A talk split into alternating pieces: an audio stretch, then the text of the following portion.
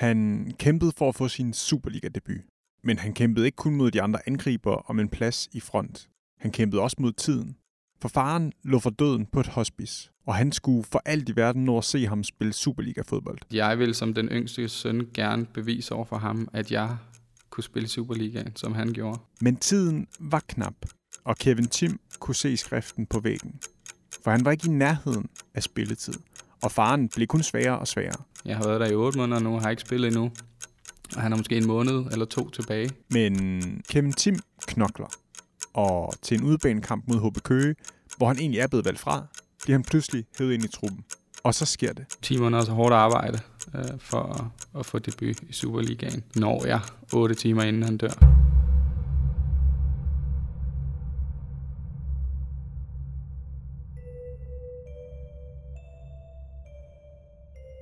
Kevin Tim har altid været besat af fodbold. Som dreng spillede han fodbold i frikvartererne, gik i fodboldtrøjer og tegnede fodboldtegninger. På den måde blev det min identitet at være fodboldspiller, og når jeg skulle til øh, sådan nogle fremtidssamtaler i folkeskolen og gymnasiet øh, om, hvad jeg ville være, jamen så var det altid et svar, der hed, hvis jeg ikke bliver fodboldspiller, så vil jeg gerne være. Øh, så det har altid bare ligget øh, som en fast del af mig at, at spille fodbold. Og med en far, der var fodboldspiller på eliteniveau, er det ikke så sært. Faktisk er hele familien opslugt af fodbold, og de har særligt en forkærlighed for Brøndby IF. Det afspejler sig i Kevins fødselsdagsgaver gennem årene, der blandt andet tæller et medlemskab til Brøndby Support. Alligevel har Kevin spillet hele sin børne- og ungdomstid på Frederiksberg i KB og FC København. Til trods for, at min familie har en stor forkærlighed for Brøndby, så blev jeg tilmeldt Københavns Boldklub som 6-årig. Og har egentlig været tilknyttet øh, KB og FCK's ungdomsafdeling helt indtil jeg var 19 år. Så nåede jeg op omkring senioralderen øh, og tænkte, at jeg skal jo bare op og spille på FCK's første hold. Der er der ikke noget andet for. Og så købte de Ailton for 15 millioner, eller hvad fanden det var, de købte ham for. Øh, og så kunne jeg godt se, at øh, der var nok lang vej. Øh, så jeg nåede aldrig rigtig ind i forhandlingerne omkring at blive en del af førsteholdstruppen, fordi jeg var så ivrig på at spille Superligaen. Så jeg besluttede sammen med min agent om, at vi skulle finde en Superliga-klub, der var interesseret i det. Og så fandt jeg Esbjerg. Og det er netop i Esbjerg, at den her historie har sit udspring. Øh, min træner, Ove Pedersen, øh, udtaler på det tidspunkt, at jeg er hentet til klubben som en joker. Øh, og at jeg skal sidde på bænken og komme ind og afgøre kampene, fordi at jeg har nogle gode individuelle færdigheder. Og øh, til trods for, at jeg scorer mange mål øh, på anden holdet i anden division, og øh, kæmper og røver ned bukserne, så får jeg slet ikke spilletid i et halvt år. Øh, og render lidt rundt og er lidt forvirret og lidt utilfreds, men stadig meget ben over, over at være i en Superliga-klub. Så jeg, jeg klør selvfølgelig på, og så når vi til en træningslejr i februar måned, 8 måneder efter jeg er skiftet. Øh, vi skal være på La Manga i 12 dage, og øh, et par dage inde, inde i træningslejren, der ringer min storebror og fortæller mig, at vores far er blevet syg. Jamen, jeg kan huske, at jeg, øh, jeg ligger på værelset sammen med min svenske holdkammerat Martin Fribrok. Og øh, jeg ligger i min seng, og så ringer min storebror. Øh, det er jo ikke fordi, at det er unormalt, at han ringer, men jeg tænkte, at øh, det er lidt mærkeligt, at han ringer, når jeg er i Spanien. Så jeg tog telefonen og gik ud på altanen, og der fortæller han mig så igennem, at, øh, at han havde snakket med, med vores far, og at han, han havde været til lægen, og det var ikke så godt med maven. Nu er vi jo øh, voksne brødre, så det er jo ikke øh, reality-program. Vi sidder jo ikke og deler alle oplysninger med hinanden som, som sådan nogle øh, tøse øh, hyggesnakke. Øh, vi er jo mænd, og vi deler øh, kort og kontant, hvordan øh, tingene er, fordi det er ikke sjovt at snakke om.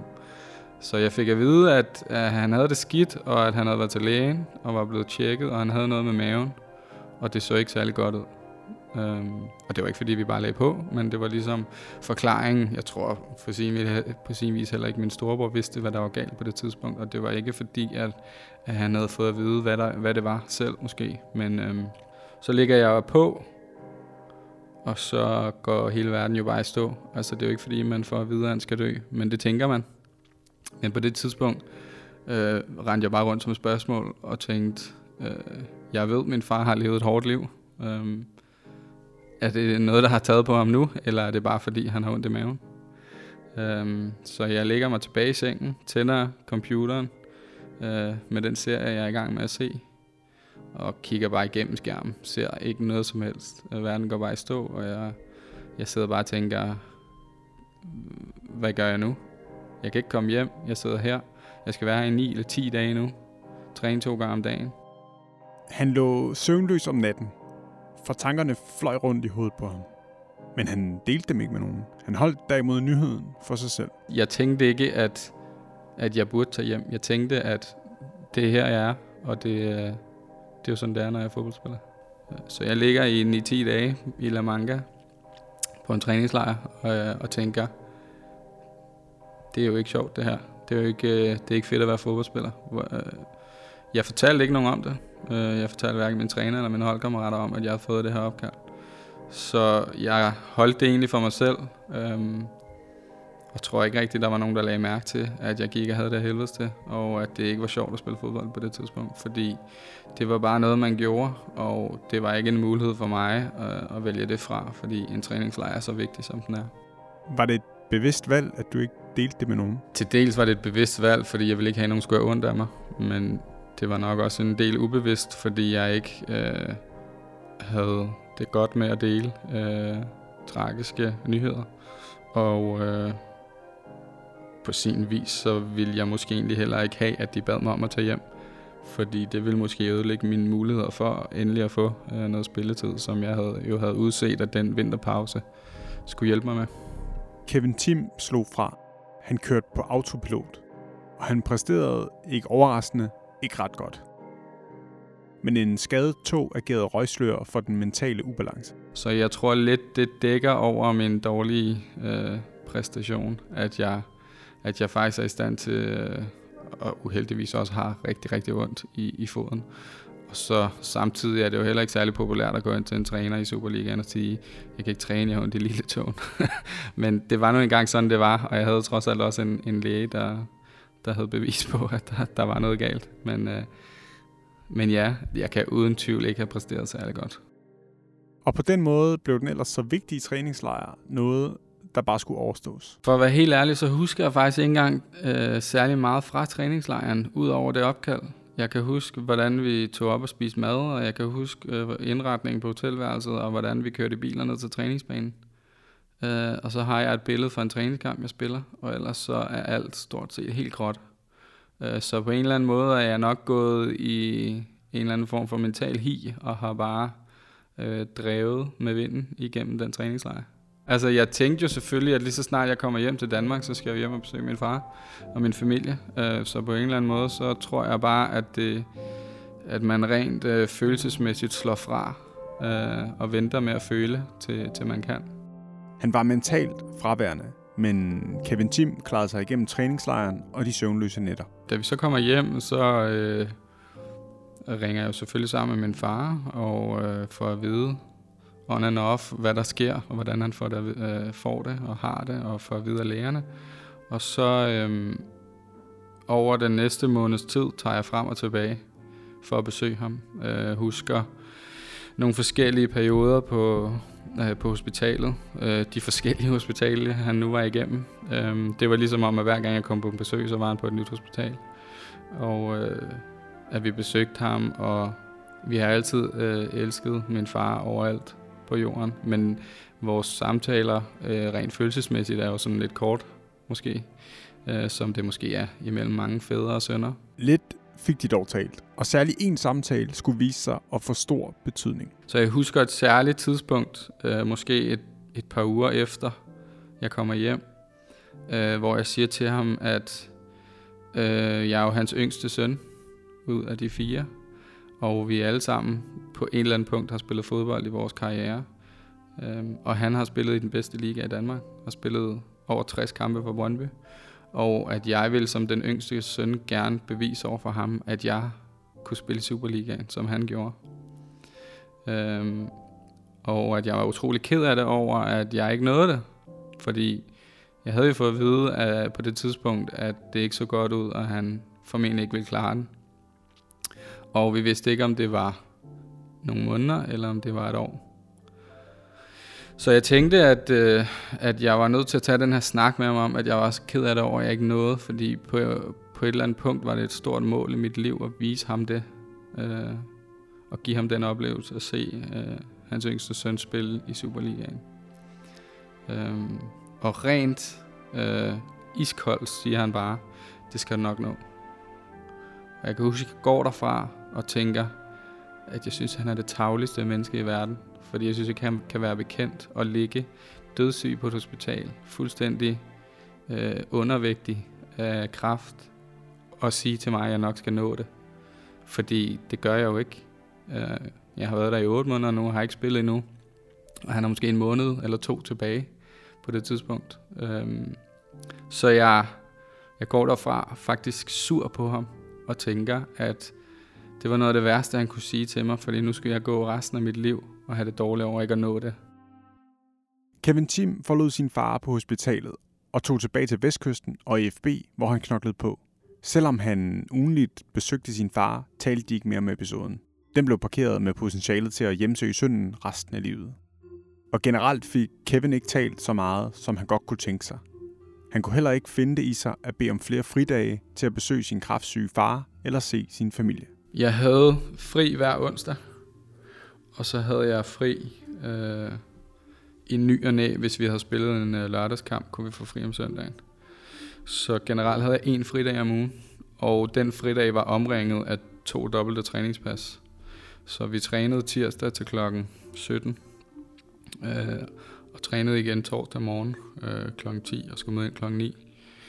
Så jeg havde decideret kun 24 timer onsdag fri. Så ret ofte øh, i den periode, der øh, tirsdag øh, eftermiddag aften, kørte jeg til København og nåede ind ad døren til sengetid. Og så kunne jeg gå i seng, og så kunne jeg stå op om morgenen, og så kunne jeg tage ud og besøge min far. Øh, og ham, når, når man ligger på hospitalet, kan man ikke have besøg i 10 timer. Så ofte kunne jeg kun besøge ham en time eller to, og så tog man afsted igen. Og så rendte man lidt forvirret rundt og prøvede at se sin anden øh, familie. Øhm, og så tog man hjem igen torsdag og trænede, og så gik der en uge, før man tog om igen. Har man ikke spillet fodbold, kan det være svært at forstå. Men når man står midt i det, særligt som ung spiller, der kæmper for sin plads og sin berettigelse i fodboldverdenen, er virkeligheden en anden. Sådan opleves den i hvert fald. Som ung spiller at få lov til at være i en Superliga-klub, det er jo ens drøm igennem 15 år måske. Og øh, på det tidspunkt, jeg var rigtig glad for Ove Pedersen som træner, og jeg var også rigtig glad for Jes Torup som assistenttræner. Men på det tidspunkt, øh, både dengang og med så gammeldags, kan vi nok godt kalde det en træner, så var det ikke normalt at gå ind og dele følelser med sin træner. Selvom at man måske fik at vide, du skal bare sige til, øhm, så går man ikke bare lige ind og siger, prøv jeg har da helvedes til, jeg savner min far, jeg, jeg er nødt til at køre hjem. Eller, øhm, alle mine brødre mødes i morgen i København, og jeg ved godt, at vi har et dobbelt træningspas, kan jeg få fri? Det gør man ikke, fordi det er ens job, og man får en god løn for at være der, og man har drømt om at være der hele sit liv. Så man skyder det lidt ud i sandet, både følelserne og, og muligheden. Hvordan havde du det så med at skulle, altså, altså det kan godt være, så når der er dobbelt uh, træningspas, så er der selvfølgelig noget tid i klubben, men ellers så er der også rimelig meget tid til at være selv. Ja. Hvordan var det? Altså, ja, jeg kan i hvert fald huske, at jeg har grædt rigtig meget. Og øh, det er den der ukontrollerede gråd, hvor man ikke rigtig ved, hvorfor man græder, man er bare ked af det. Og i stedet for at gøre noget ved det, så græd jeg bare, fordi at jeg var i den her situation, og der var ikke, der var ikke nogen udvej. Min far skulle dø, og jeg havde det her job. Jeg følte ikke på det tidspunkt, at jeg var i stand til at sige, så skid være med den kamp i weekenden, jeg tager en hel uge fri. Øhm, det var sindssygt vigtigt for mig at spille og kæmpe og være der hver gang og også være der efter træningerne og bevise, at jeg stadigvæk ville det her. Månederne gik, og Kevin Tim havde fortsat ikke fået sin Superliga-debut. Faktisk havde han slet ikke været udtaget til truppen, siden holdet kom hjem fra træningslejren i La Manga. Så det kom ikke som noget chok for ham, at han heller ikke var udtaget til kampen mod HB Køge i starten af maj. Han tog i stedet til København for at se sin far. Så får vi at vide, at, at det ser skidt ud, og han er rigtig tynd, og han er så tynd på et tidspunkt, at man faktisk kan se næsten bagsiden på hans skinneben. Øhm, fordi muskelmassen bare forsvinder fra ham. Han kan ikke noget, han kan ikke spise, og han kan dog nok formulere en sætning længere. Han er kommet på hospice, og øh, hjernen bliver et op af medicin. Han kan ikke tænke længere. Øhm, og så sidder jeg i en biograf, og øh, får et opkald. Jeg er ikke blevet udtaget. Jeg har været udtaget en del gange før, men er aldrig kommet ind, og på det her tidspunkt er jeg slet ikke udtaget. Så sidder jeg i en biograf, og så får jeg et opkald fra min assistenttræner Jes Thor, der fortæller mig, at øh, de har skulle lige sidde og snakke sammen om aftenen, og havde skiftet mening. Og de havde ringet til en af de andre angriber og bedt ham om at blive hjemme, fordi de ville hellere have mig med. Øh, og så går jeg helt i panik, og jeg tænker, det kan man jo ikke. Det har jeg aldrig hørt om øh, før i fodbold, at man, man beslutter sig, øh, og så ombestemmer sig og vil have nogle andre med. Øh, og jeg fortæller så, at jeg er i København, og jeg skal besøge min far, og øh, ja, men øh, du møder bare ind på hotellet i Køge, hvis vi skal spille mod HB Køge, så du møder bare ind til taktik med. Og så tager vores massør bare kører din bil til stadion derefter. Så kører du bare med bussen derfra.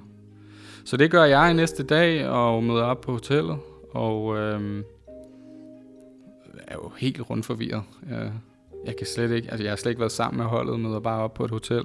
Jeg har hverken jakkesæt på, som de andre har, og jeg øh, er slet ikke inde i stemningen, som de andre har været i flere timer. Øh, så jeg prøver sådan at sætte mig op til en kamp. Kevin Tim starter ude. Men i løbet af anden halvleg bliver han sammen med de øvrige udskiftere sendt ud for at varme op på skift. Og øh, jeg tager benskinner på i håb om, at hvis jeg skiftes ind, så kan jeg få mere spilletid, for så skal jeg ikke bruge tid på at, at tage benskinner på. Og jeg har bevidst spillertrøjen på inden under min opvarmningstrøje. Den ligger ikke på bænken, så jeg skal stå og skifte. Og jeg har bundet mine fodboldstøvler stram, så de, de er klar, så jeg kan komme ind. Og så øh, 10-12 minutter før øh, slutfløjtet, så kalder han mig over og siger, at vi er bagud 1-0. Øh, vi skal ind og vinde den her kamp, og det er din chance nu.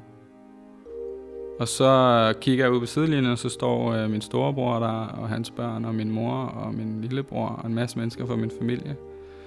Og kampen bliver tv-transmitteret på tv, og min far ligger på hospice og ser den.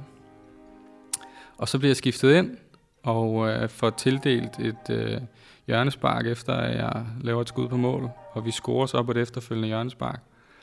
Øh, og scorer en gang til øh, lige inden, øh, lige inden slutfløjtet og vi vinder 2-1, og jeg løber lykkeligt ud som det første til min familie for at fortælle dem og vise dem, hvor stolt jeg er.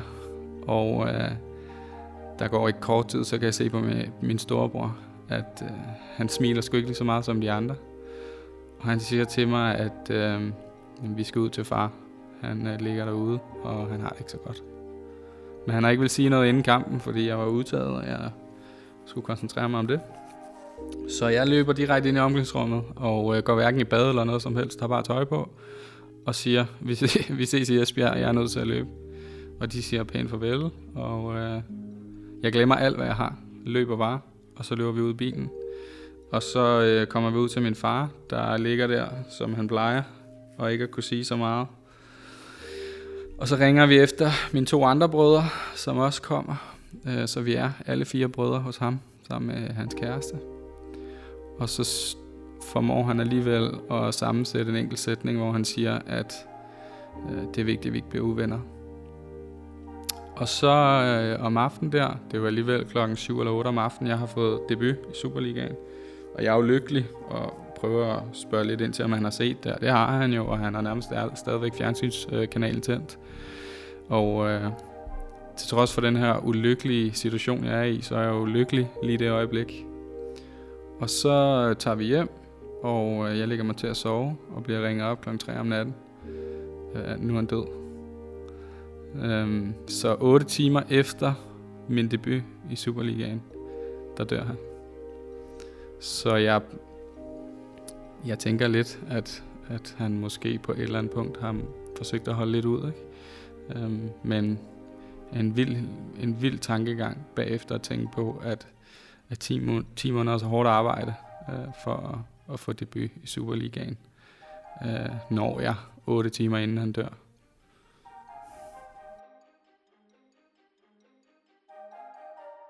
Jeg tror uden tvivl, at det var mere mig selv, der bildte mig ind, at jeg skulle have den debut. jeg tror, for at være helt ærlig, at han var fuldstændig ligeglad. Altså, jeg havde jo opnået masser af ting igennem min fodboldkarriere. Jeg havde allerede fået min kontrakt i Superligaen. Øhm, jeg har vundet Danmarksmesterskaber som ungdomsspiller og været topscorer i FCK's ungdomsafdeling. Men øhm, det var en form, uden tvivl en, en ting, jeg bildte mig selv ind. At den debut, den viste en eller anden statistisk øh, bevis på, at jeg havde spillet i Superligaen.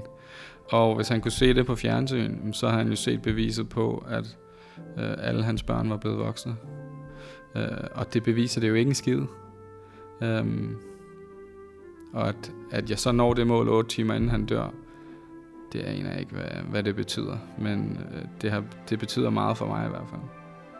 Ja, det er sjovt, fordi der er også en dobbelthed i det. Ikke? Altså når du på den ene side synes, at det, det er pisse ligegyldigt, eller ikke ja. pisse ligegyldigt, men altså, at det ikke betyder så meget, og ja. så på den anden side, så betyder det bare sindssygt meget. Ja, præcis. Og det er jo det, er jo det her med, at øh, det betyder jo nok øh, meget for mig, fordi det var noget, jeg satte mig for, og fordi at jeg var i en periode rigtig sur på ham, fordi at jeg troede, jeg ikke ville nå det. Og han sagde til mig, at jeg nok skulle nå det. Øh, hvis han nu havde sagt til mig, øh, det er lige meget, det betyder ikke noget, øh, så havde jeg fuldstændig svedt ud så havde det ikke betydet noget for mig. Så den skæbne dag, hvor han siger til mig, øh, du skal nok nå det, det er jo nok den, der definerer, hvorfor det stadig den dag i dag betyder meget for mig. Og ja, så netop så betyder det jo så alligevel ikke en skid, fordi jeg ville stadig have givet det hele op for at se ham mere. Men lidt ligesom jeg tror i perioden med træningslejren, så tror jeg, at jeg rent mentalt gik lidt i en, øh, øh, ind, ind i sådan fire dage, fire-fem dage, øh, uden følelser. Øh, jeg græd selvfølgelig, når jeg blev ked af det, men ellers så husker jeg ikke så meget andet, end at jeg selvfølgelig fik fri der øh, fra fodbold. Og at øh, vi klargør hans begravelse med alle de ufattelig mange praktiske ting, man skal igennem øh, tømte hans lejlighed og skulle dele øh, brødrene imellem, hvem der skulle have hvad. Det husker jeg, og så husker jeg selvfølgelig begravelsen. Og fra hans død til begravelsen, fem, fem og en halv dage senere, øh, der husker jeg ikke så meget andet end lige de få ting. Øh, og da begravelsen så rammer, der knækker jeg fuldstændig. Der kommer følelserne. Både fordi det er første gang i mit liv, jeg oplever en begravelse. Øh, og det så samtidig er så følelsesladet at være til en begravelse, det var jeg slet ikke forberedt på. Øh, altså jeg kan jo, man kan jo gå ind til en begravelse hos en, man ikke kender, øh, og begynde at græde over, hvor ulykkeligt det er. Øh, så det var, en, det var en vild dag. Øh, og efterfølgende synes jeg, det var en god dag, fordi vi fik jo vi fik jo sendt ham godt videre og, og opleve, at, øh, at kirken var så fyldt, at der var nogen, der måtte stå op nede bagved det er jo en fantastisk oplevelse, at så mange mennesker vil komme for at sige farvel. Efter begravelsen var Kevin knust, og han oplevede, at det var svært at tale om med holdkammeraterne, for hvem sygdomsforløbet og dødsfaldet kom som et chok. De fleste i hvert fald får først at vide, at min, øh, øh at min far er syg, efter han er død. De synes, den situation, jeg forlader øh, Køge Stadion på, var lidt øh, mystisk, at jeg bare løb fra alle mine ting. Så på det tidspunkt får de jo at vide, at Øh, jamen, grund til, at han er løbet, det er, fordi hans far er syg, og den efterfølgende dag får de så at vide, at min far er død, og jeg ikke er kommet til træning. De efterfølgende dage kan jeg godt se, at når vi har stået der i badet, og jeg har forsøgt øh, en lille smule måske at tale om det, så var det rigtig svært for mine holdkammerater, fordi det var kommet som en chok for dem. Øh, og det var også svært for dem at lege øh, øh, brødre eller familie, eller være gode til at trøste i en situation, som ikke berører dem, men som måske øh, stadigvæk betyder meget for dem, fordi en holdkammerat har det dårligt.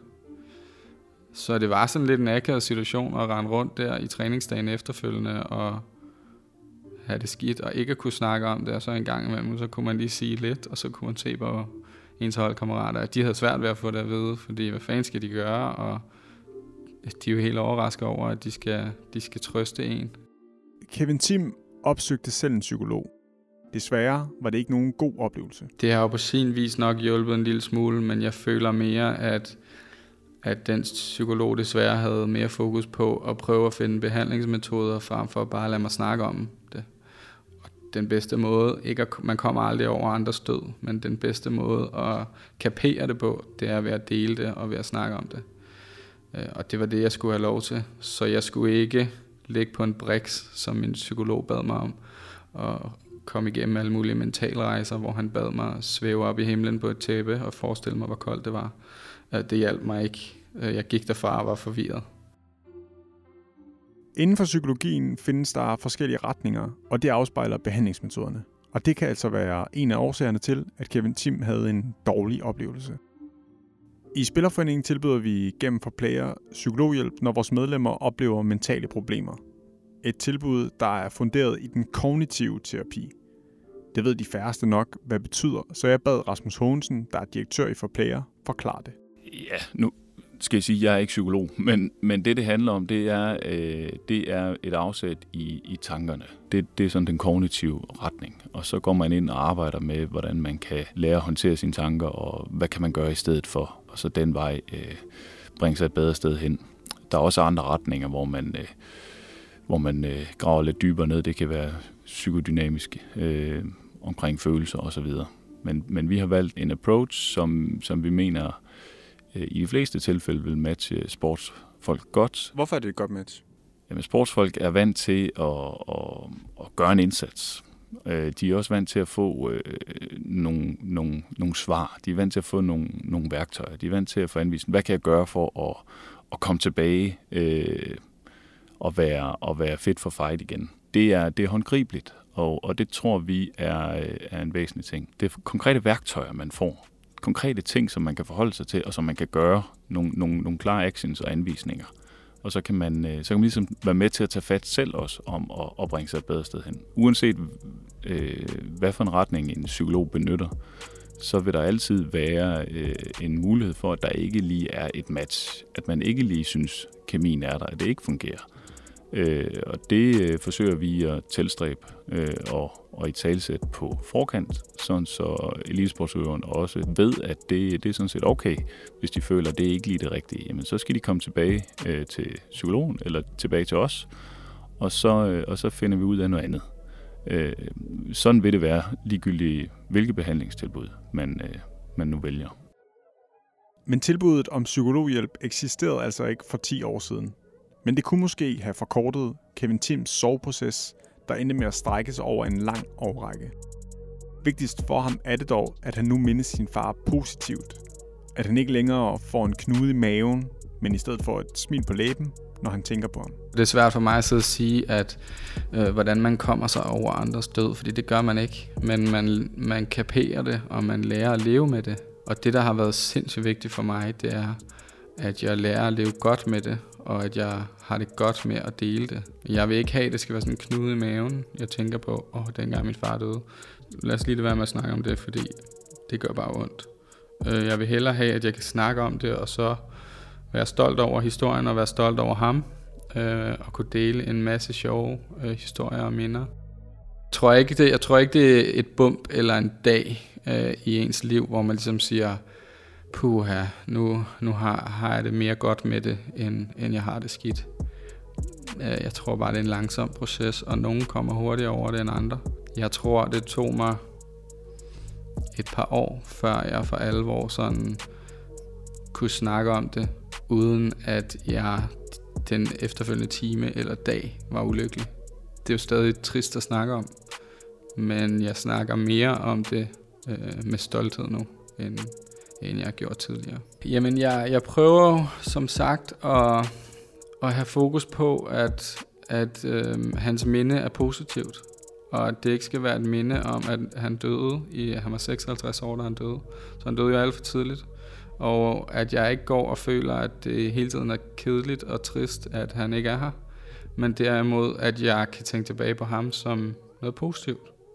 Så mindet om ham er glædeligt, og det er vigtigt for mig at give det videre øh, til mine børn og min kæreste, som ingen af dem har mødt ham. Men jeg er ikke i tvivl om, at de alle sammen føler, at de kender ham. Fordi jeg snakker om ham, som jeg gør.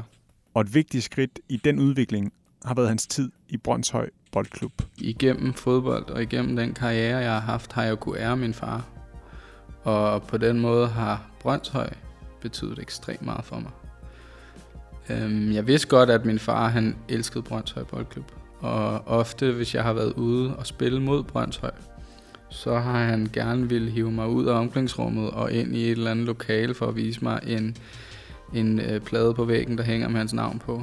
Øh, for dengang han vandt en eller anden pokal, eller blev årets spiller, eller hvordan det nu var.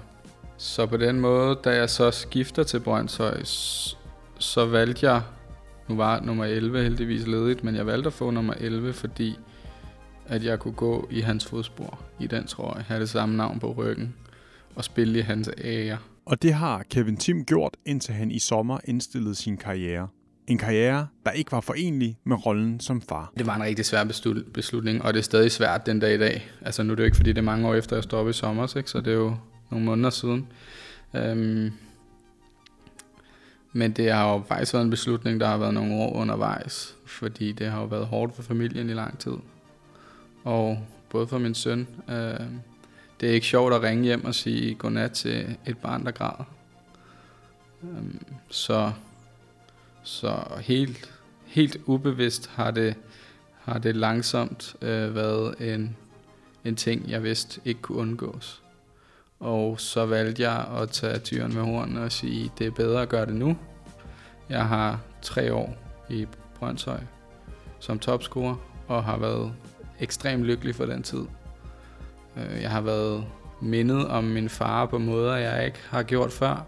Jeg har mødt mennesker, der har kendt ham, som, og hørt historier, jeg ikke har hørt før. Øh, så at stoppe på den måde, det er, det er det ultimative for mig. Han har med andre ord æret sin far. Det er også en af grundene til, at han ønsker at medvirke i den her udsendelse. Men det er også for at videreformidle nogle gode råd.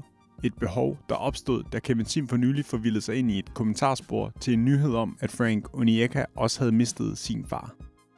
Jeg sad og så fodbold, og så hørte jeg, at han ikke havde været udtaget til sin seneste kamp, fordi han havde mistet sin far. Og så læste jeg bare lige kort nærmere om, hvad der var sket. Øhm, Øh, helt naturligt, og selvfølgelig er det begrænset, hvor meget øh, man får at vide. Øh, men jeg nåede i hvert fald frem til, at han ikke var taget hjem til Afrika for at tage til øh, begravelse.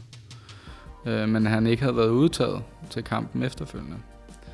Og så læste jeg bare kort nogle kommentarer, inden jeg besluttede mig for, at jeg ikke skulle, skulle læse de kommentarer alligevel. Så, så fandt jeg frem til, at der faktisk var startet en debat om, øh, hvorvidt at han næsten ikke, øh, altså indirekte var det blevet sagt, at han ikke kunne tillade sig øh, ikke at tage hjem til begravelsen, når nu han ikke var udtaget.